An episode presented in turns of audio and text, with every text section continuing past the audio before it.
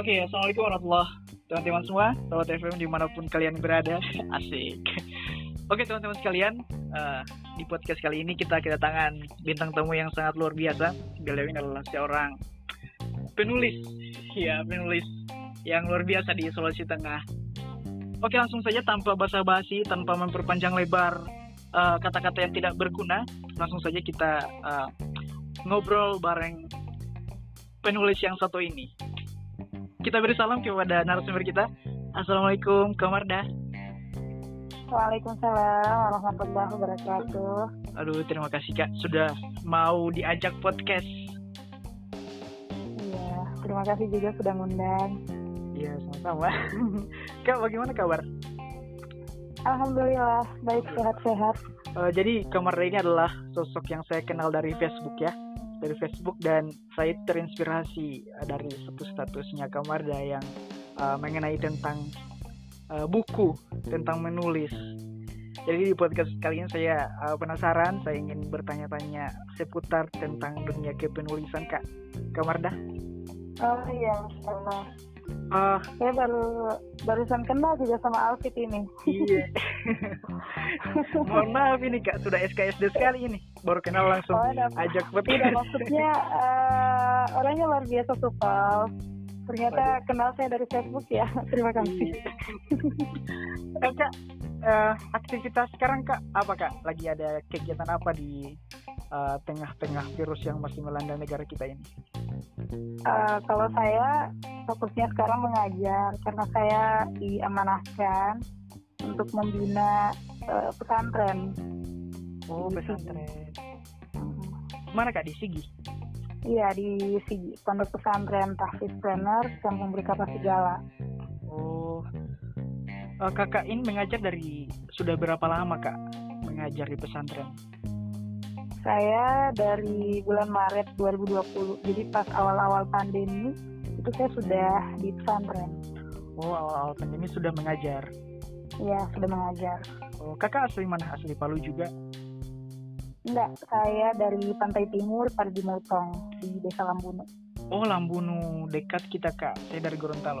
Paling cuma Oh, gitu. Iya, cuma berapa jam sampai di Lambunu. Hmm, iya, iya, baru tahu saya. Berarti kalau ke Palu lewat Lambunu? Iya, lewat Lambunu, Kak. oh, iya, iya. Nanti bisa singgah kapan-kapan. Oh, siap, siap. Tapi kalau ada kamar di sana, kalau tidak ada bagaimana mau singgah? singgah saja, bilang ada anu ini temannya Kamarda. Aduh, adiknya, adiknya. oh, saya saya dengar kakak juga alumni dari Yayan Palu ya? Iya, alhamdulillah saya alumni YN. Oh, ternyata sama saya juga kak sekarang masih Yayan Palu. Oh, Jadi saya butuh dorongan dari kakak. Apalagi saya uh, sekarang sedang asik-asiknya mencari tahu soal bagaimana menjadi seorang penulis kak. Jadi saya butuh oh. dorongan dari seorang kak Amarda. Oh, Masya Allah. Saya mau dorong ke mana ini? Dorong ke laut saja kak. itu akan buaya palu itu. Masya Allah. Jangan apa waktu kuliah? Ya. Jurusan apa waktu kuliah kak? Waktu kuliah saya jurusan pendidikan bahasa Arab, Fakultas Tarbiyah. Luar biasa ahli bahasa Arab ini kak. Uh, enggak juga sih enggak bisa dibilang ahli. Tapi ya boleh lah kak ya. Boleh. Bahasa Arab. Ya dikit. Kak min min aina anti karena bilang dulu kok bahasa Arab lagi? Uh, kakak di kampus eh kalau bisa saya tahu uh, ikut organisasi apa kak? UKM ataupun organisasi uh, di luar kampus? Apa saja uh, organisasi yang kakak ikuti? Kalau dalam kampus sih kemarin yang pertama saya ikut itu UKM LDK Jendela sekarang namanya berganti LDK Al Abrar Yayan Palu itu yang dalam kampus uh, terus HMJ HMJ PBA sekarang HMPS ya iya. terus di Senat uh, institut juga kemarin. Aduh, luar biasa pengalaman organisasinya kak.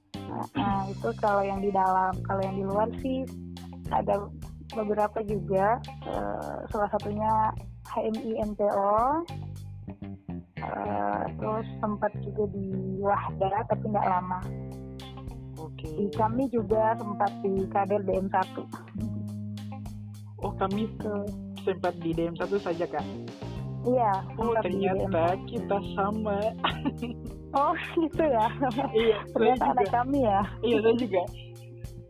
Hmm, Masya Allah Tapi ya karena kemarin banyak masalah jadi tidak sempat aktif. Uh, Tapi sempat diajak oleh ketua sekarang ketua kami komisariat Palu diajak lagi. hmm.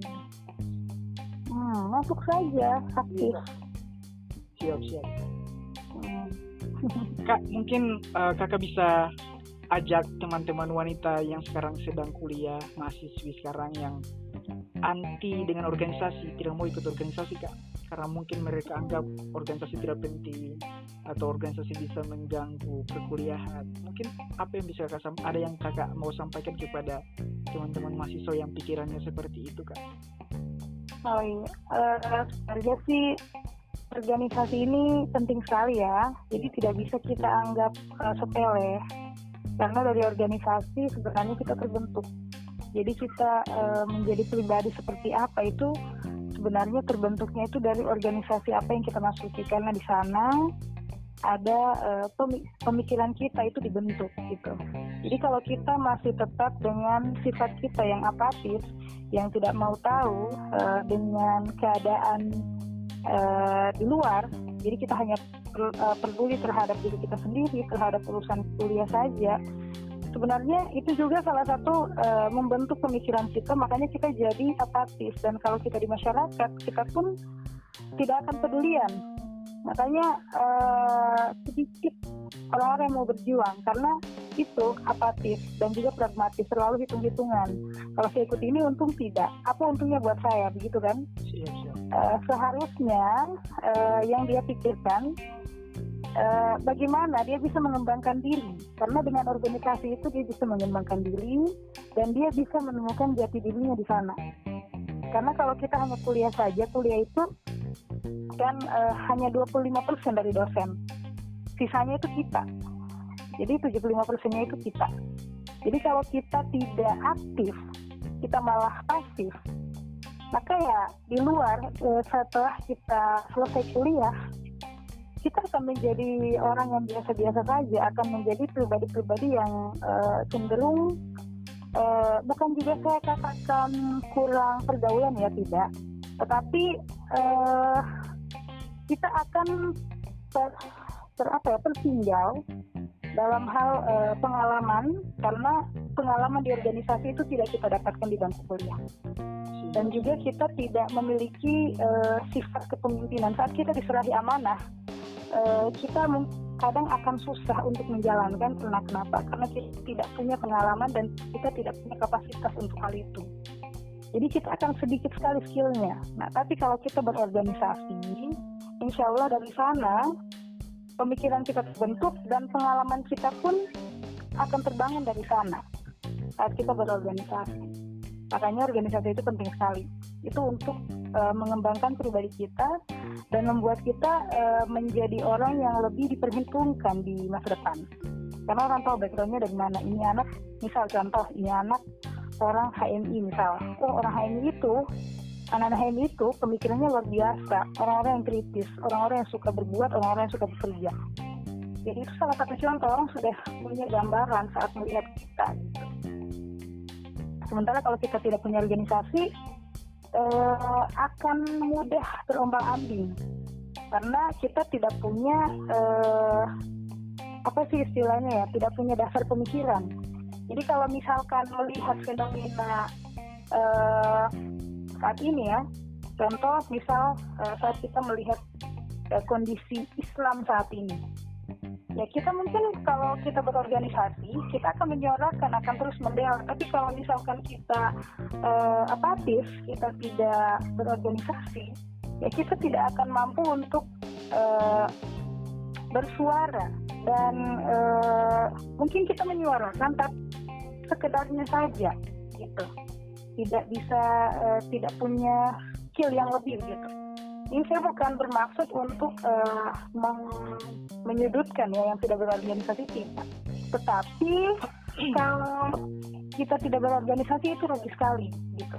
Jadi alangkah baiknya kalau kita uh, terjun di salah satu organisasi saja kalau tidak mampu banyak satu saja dan kita fokus di situ.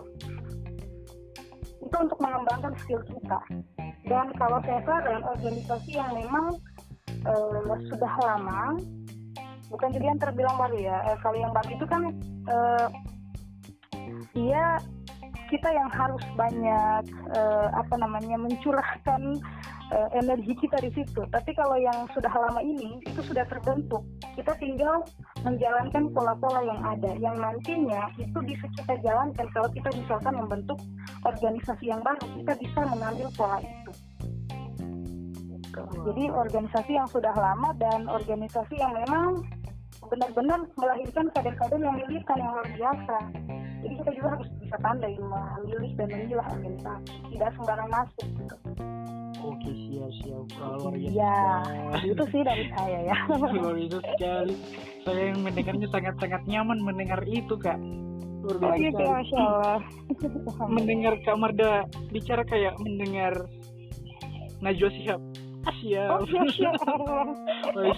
Saya masih jauh lah ya. dari Mbak Nana. Dari teman-teman, teman-teman yang masih uh, tidak mau untuk berorganisasi teman-teman dengar apa yang dikatakan oleh apa yang telah disampaikan tadi oleh Kak Marda jadi organisasi ini sangat penting sekali untuk mengembangkan diri kita teman-teman Kak Marda luar biasa kita ini mau bahas tentang uh, kepenulisan tapi uh, lama di organisasi tentang organisasi kayaknya organisasi harus kasih tentang organisasi saja oke okay, kak uh, ya, okay, tentang lanjut. kepenulisan kakak uh, mulai menulis itu dari kapan kak? Oh ya, kalau untuk mulai menulis ya, sebenarnya dari saya kecil itu saya sudah menulis. Jadi dari saya masih SD itu saya sudah suka nulis. Saya itu suka nulis di buku, buku catatan saya itu saya suka nulis. Biasa saya gambar orangnya. Saya kan suka gambar. Oh, sebelum iya. saya tahu ada hadisnya kalau melukis yang bernyawa itu dilarang. Itu waktu saya masih SD jadi saya gambar orangnya dan saya buat tulisan di situ. Saya bikin apa ya eh, karangan-karangan seperti itu. Karena kebetulan kan kakak saya waktu itu suka nulis Yeah. Cuman beliau belum punya buku sih sampai sekarang, nggak terlalu beliau geluti. Cuman saya belajar dari beliau. Saya baca cerpen-cerpennya, terus saya juga ngikut-ngikut saya tulis uh, sampai akhirnya pas uh, aliyah itu saya sempat nulis satu buku tapi memang tidak diterbitkan cuma di buku biasa buku catatan biasa itu sampai full satu buku itu saya tulis uh, kayak novel begitu sampai selesai cuma saya nggak tahu di mana itu buku sekarang Okay. uh, terus itu dibaca sama teman-teman, uh, udah gitu. Nah terus pas masuk kuliah, saya mulai nulis nulis nulis. Uh, cuman belum terlalu fokus. Cuman saya sempat ikut lomba menulis cerpen. Waktu itu diadakan sama pusat bahasa.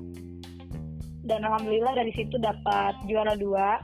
Alhamdulillah ya. Jadi uh, itu motivasi gitu untuk nulis lagi. Tuh berarti saya bisa menulis gitu jadi saya coba lagi menulis di tahun 2015 saya coba nulis itu Firman Berdasi Uh, sebenarnya sih iseng-iseng saja ya. Jadi kebetulan ada laptopnya teman, jadi bukan laptop saya. ada laptop teman, saya pinjam, saya tulis. Uh, terus akhirnya tulisan saya itu belum selesai baru berapa halaman itu dibaca sama teman saya. Terus dia bilang, ih ini tulisanmu bagus, saya suka baca. Akhirnya dari situ saya termotivasi, oh bagus ya, oke kalau gitu saya lanjut. Saya lanjutkan, akhirnya selesai tulisannya, uh, itu kalau nggak salah dulu kalau dia di kertas HPS uh, eh, kan kalau buku saya sekarang itu dicetaknya kertas ini ya kertas A5 jadi dia jadi berapa ratus halaman begitu.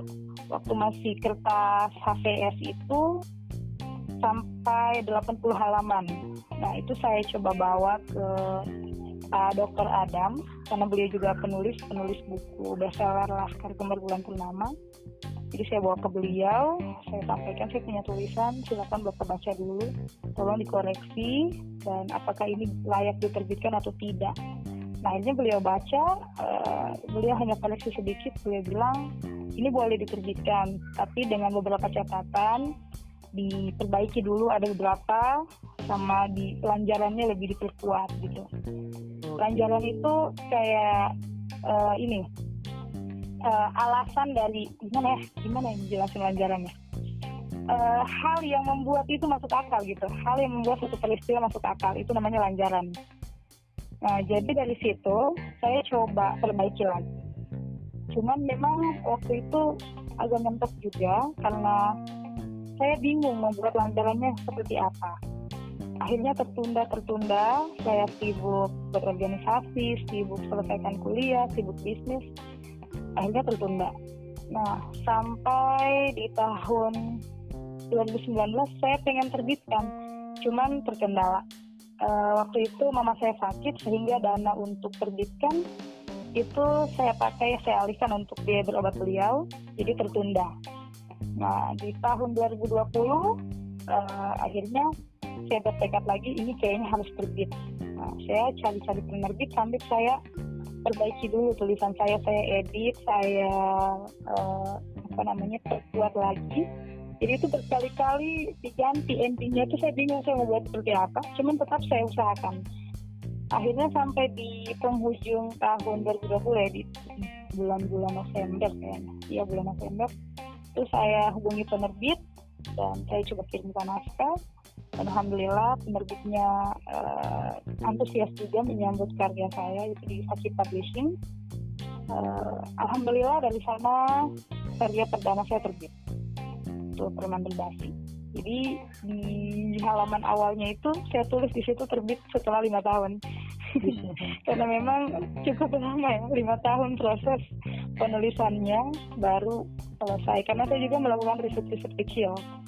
Soalnya itu genrenya mengenai narkoba. Jadi saya coba uh, membuat riset kecil-kecilan untuk uh, saya tuangkan di dalam novel itu. Kak kalau boleh tahu kak uh, sudah berapa buku yang sudah kakak terbitkan? Karya dari kakak? Oh iya. Kalau untuk saat ini sih baru dua ya. Oh. Uh, jadi setelah dengan apa kak iya. Selang satu bulan setelah Preman Berdasi terbit saya eh, alhamdulillah terbit novel saya eh, bukan novel sih. Itu kumpulan puisi sama cerpen itu Aksara Sang Penikmat Rindu dari Bukit Boy Kota itu buku kedua. Ya itu sempat saya bikin satu iya. tadi kak. Oh iya itu di story itu iya. kalau untuk karya solo ya kalau yang uh, tulis uh, bareng teman-teman itu ada Bias Jingga oh ada so, juga dengan teman-teman ya kak Iya ada juga. Oke. Okay. Itu judulnya Bias Jingga baru barusan juga terbitnya. Itu bareng teman-teman Kuhati HMI. Sekarang buku kakak bisa dibeli di mana kak? Mungkin para pendengar minat uh, buku saya saat ini bisanya dipesan pribadi ke saya. Oh, Bisa pribadi. juga dipesan langsung ke penerbitnya Kaki Publishing. Ya, oke teman-teman yang ingin uh, yang minat silakan hubungi Kamar langsung. Ya, bisa juga di ini di Guepedia karena kemarin karya kedua saya itu ada penerbit yang karya kedua itu di Guepedia. Jadi bisa dibuka di ini aplikasi Lazada atau Shopee itu sudah ada. Oke siap. Iya, Wah luar biasa. Oke kak, uh, ini sudah mendekati waktu maghrib. Mungkin kita persingkat sedikit sedikit. Oh iya, oh, oke. Okay, motivasi okay, okay. motivasi kakak menulis itu apa? Mungkin teman-teman sekarang yang mendengar ingin jadi penulis dan sekarang terinspirasi dari Kak Marda sendiri. Jadi kami uh, mau cari tahu motivasi Kak Marda menulis ini apa sih? Silakan uh, motivasinya sih kemarin itu yang pertama karena saya melihat orang-orang itu jarang ada yang suka baca ya. ya. Jadi saya pengen itu buat satu tulisan yang kocak, yang mudah untuk mereka pahami. Uh, jadi saya buat, saya tulis uh, gitu. Itu motivasi awalnya sih. Nah, terus yang kedua karena saya ingin punya karya. Karena saya melihat orang yang punya karya itu keren. Ya. Saya sangat terinspirasi dengan Pak Dr. Adam. Nah, beliau luar biasa. Gitu. Jadi eh, meskipun kita ini orang misal dikenal dengan orang yang hebat luar biasa, tapi kalau kita tidak punya karya, eh, tidak ada tempat untuk mengabadikan nama kita begitu. Jadi saya berpikirnya eh, dengan karya itu nama saya bisa abadi. Jadi meskipun saya sudah tidak ada suatu hari mungkin, tapi pemikiran saya, karya saya masih ada dan masih bisa dibaca orang lain dan masih bisa bermanfaat buat orang lain. Itu sih. Kak, bagaimana tips dari kakak sendiri untuk melawan rasa malas saat menulis Kak? Karena sekarang banyak juga orang yang pengen sekali menulis terus sudah ada ide di otak tapi malas untuk menulis Kak. Eh, iya, Eh, sebenarnya sih rasa malas itu cara menepisnya ya dengan kita coba ini ya yang menyebabkan munculnya rasa malas itu biasanya karena kita mentok, bingung mau nulis apa kan, gimana cara melanjutkannya. Nah, coba kita tinggalkan dulu, kita eh, coba jalan-jalan cari inspirasi. Pas dapat inspirasi langsung kita tulis. Makanya penulis itu dia harus punya buku kecil, catatan kecil atau minimal di handphonenya. Itu kan ada catatan. Saya seringnya begitu. Jadi kalau misalkan saya mentok, saya coba ambil eh, ini catatan-catatan kecil. Jadi saya tulis di HP. Jadi kalau teringat saya tulis, teringat saya tulis lagi. Nah jadi pada saat saya mau ngetik itu saya saya buka yang sudah yang sudah saya catat tadi itu saya buka, saya baca kembali, kemudian saya coba rangkai kembali dan saya satukan gitu. Jadi itu sebenarnya mempermudah. Yang penting jangan ditinggalkan, tapi tetap kita usahakan kita tulis. Bagi apa pun yang terjadi kita usahakan eh, kita selesaikan tulisan itu. Gitu sih. Oke, terima Tips kasih banyak Kak Marda, luar biasa. Sebenarnya masih pengen lanjut karena seru sekali kalau kita uh, bertanya kepada ahlinya. Asik. saya sih belum bisa dikatakan ahli ya karena saya masih baru. Ini eh, saya lupa. Eh, kalau teman-teman mau lebih lengkap mau pembelajaran kepenulisan saya punya komunitas di Facebook. Namanya grupnya itu komunitas penulis pemula. Teman-teman bisa gabung di sana. Penulis-penulis pemula itu bisa kirimkan tulisannya mau diberikan tulisan ya kritik dan saran itu bisa di sana di sana juga kebetulan saya buat eh, video-video untuk eh, memberikan motivasi ke teman-teman penulis pemula seperti Oke, saya. siap. Langsung gabung sebentar ini Kak. Langsung gabung. oke ya Oh itu Kak Marda, loh. terima kasih untuk waktunya Kak karena memang sudah mau maghrib juga. Tadi Kakak sudah Iya. menyampaikan banyak hal terkait organisasi juga tadi ada. Kemudian tentang kepenulisan luar biasa sekali. Ah, banyak pengetahuan yang kita dapat dan bisa terinspirasi dari Kak Marda. Oke Kak Marda, terima kasih untuk waktunya sudah bersedia di podcast kali ini. Mohon maaf sudah mengganggu karena Kak Marda Iya. sibuk. Oke Kak Marda, semoga kita bisa berbincang di lain kesempatan Kak. oke Oke, terima kasih atas waktunya Kak Marda. iya Syukran. Assalamualaikum warahmatullahi Waalaikumsalam warahmatullahi wabarakatuh thank you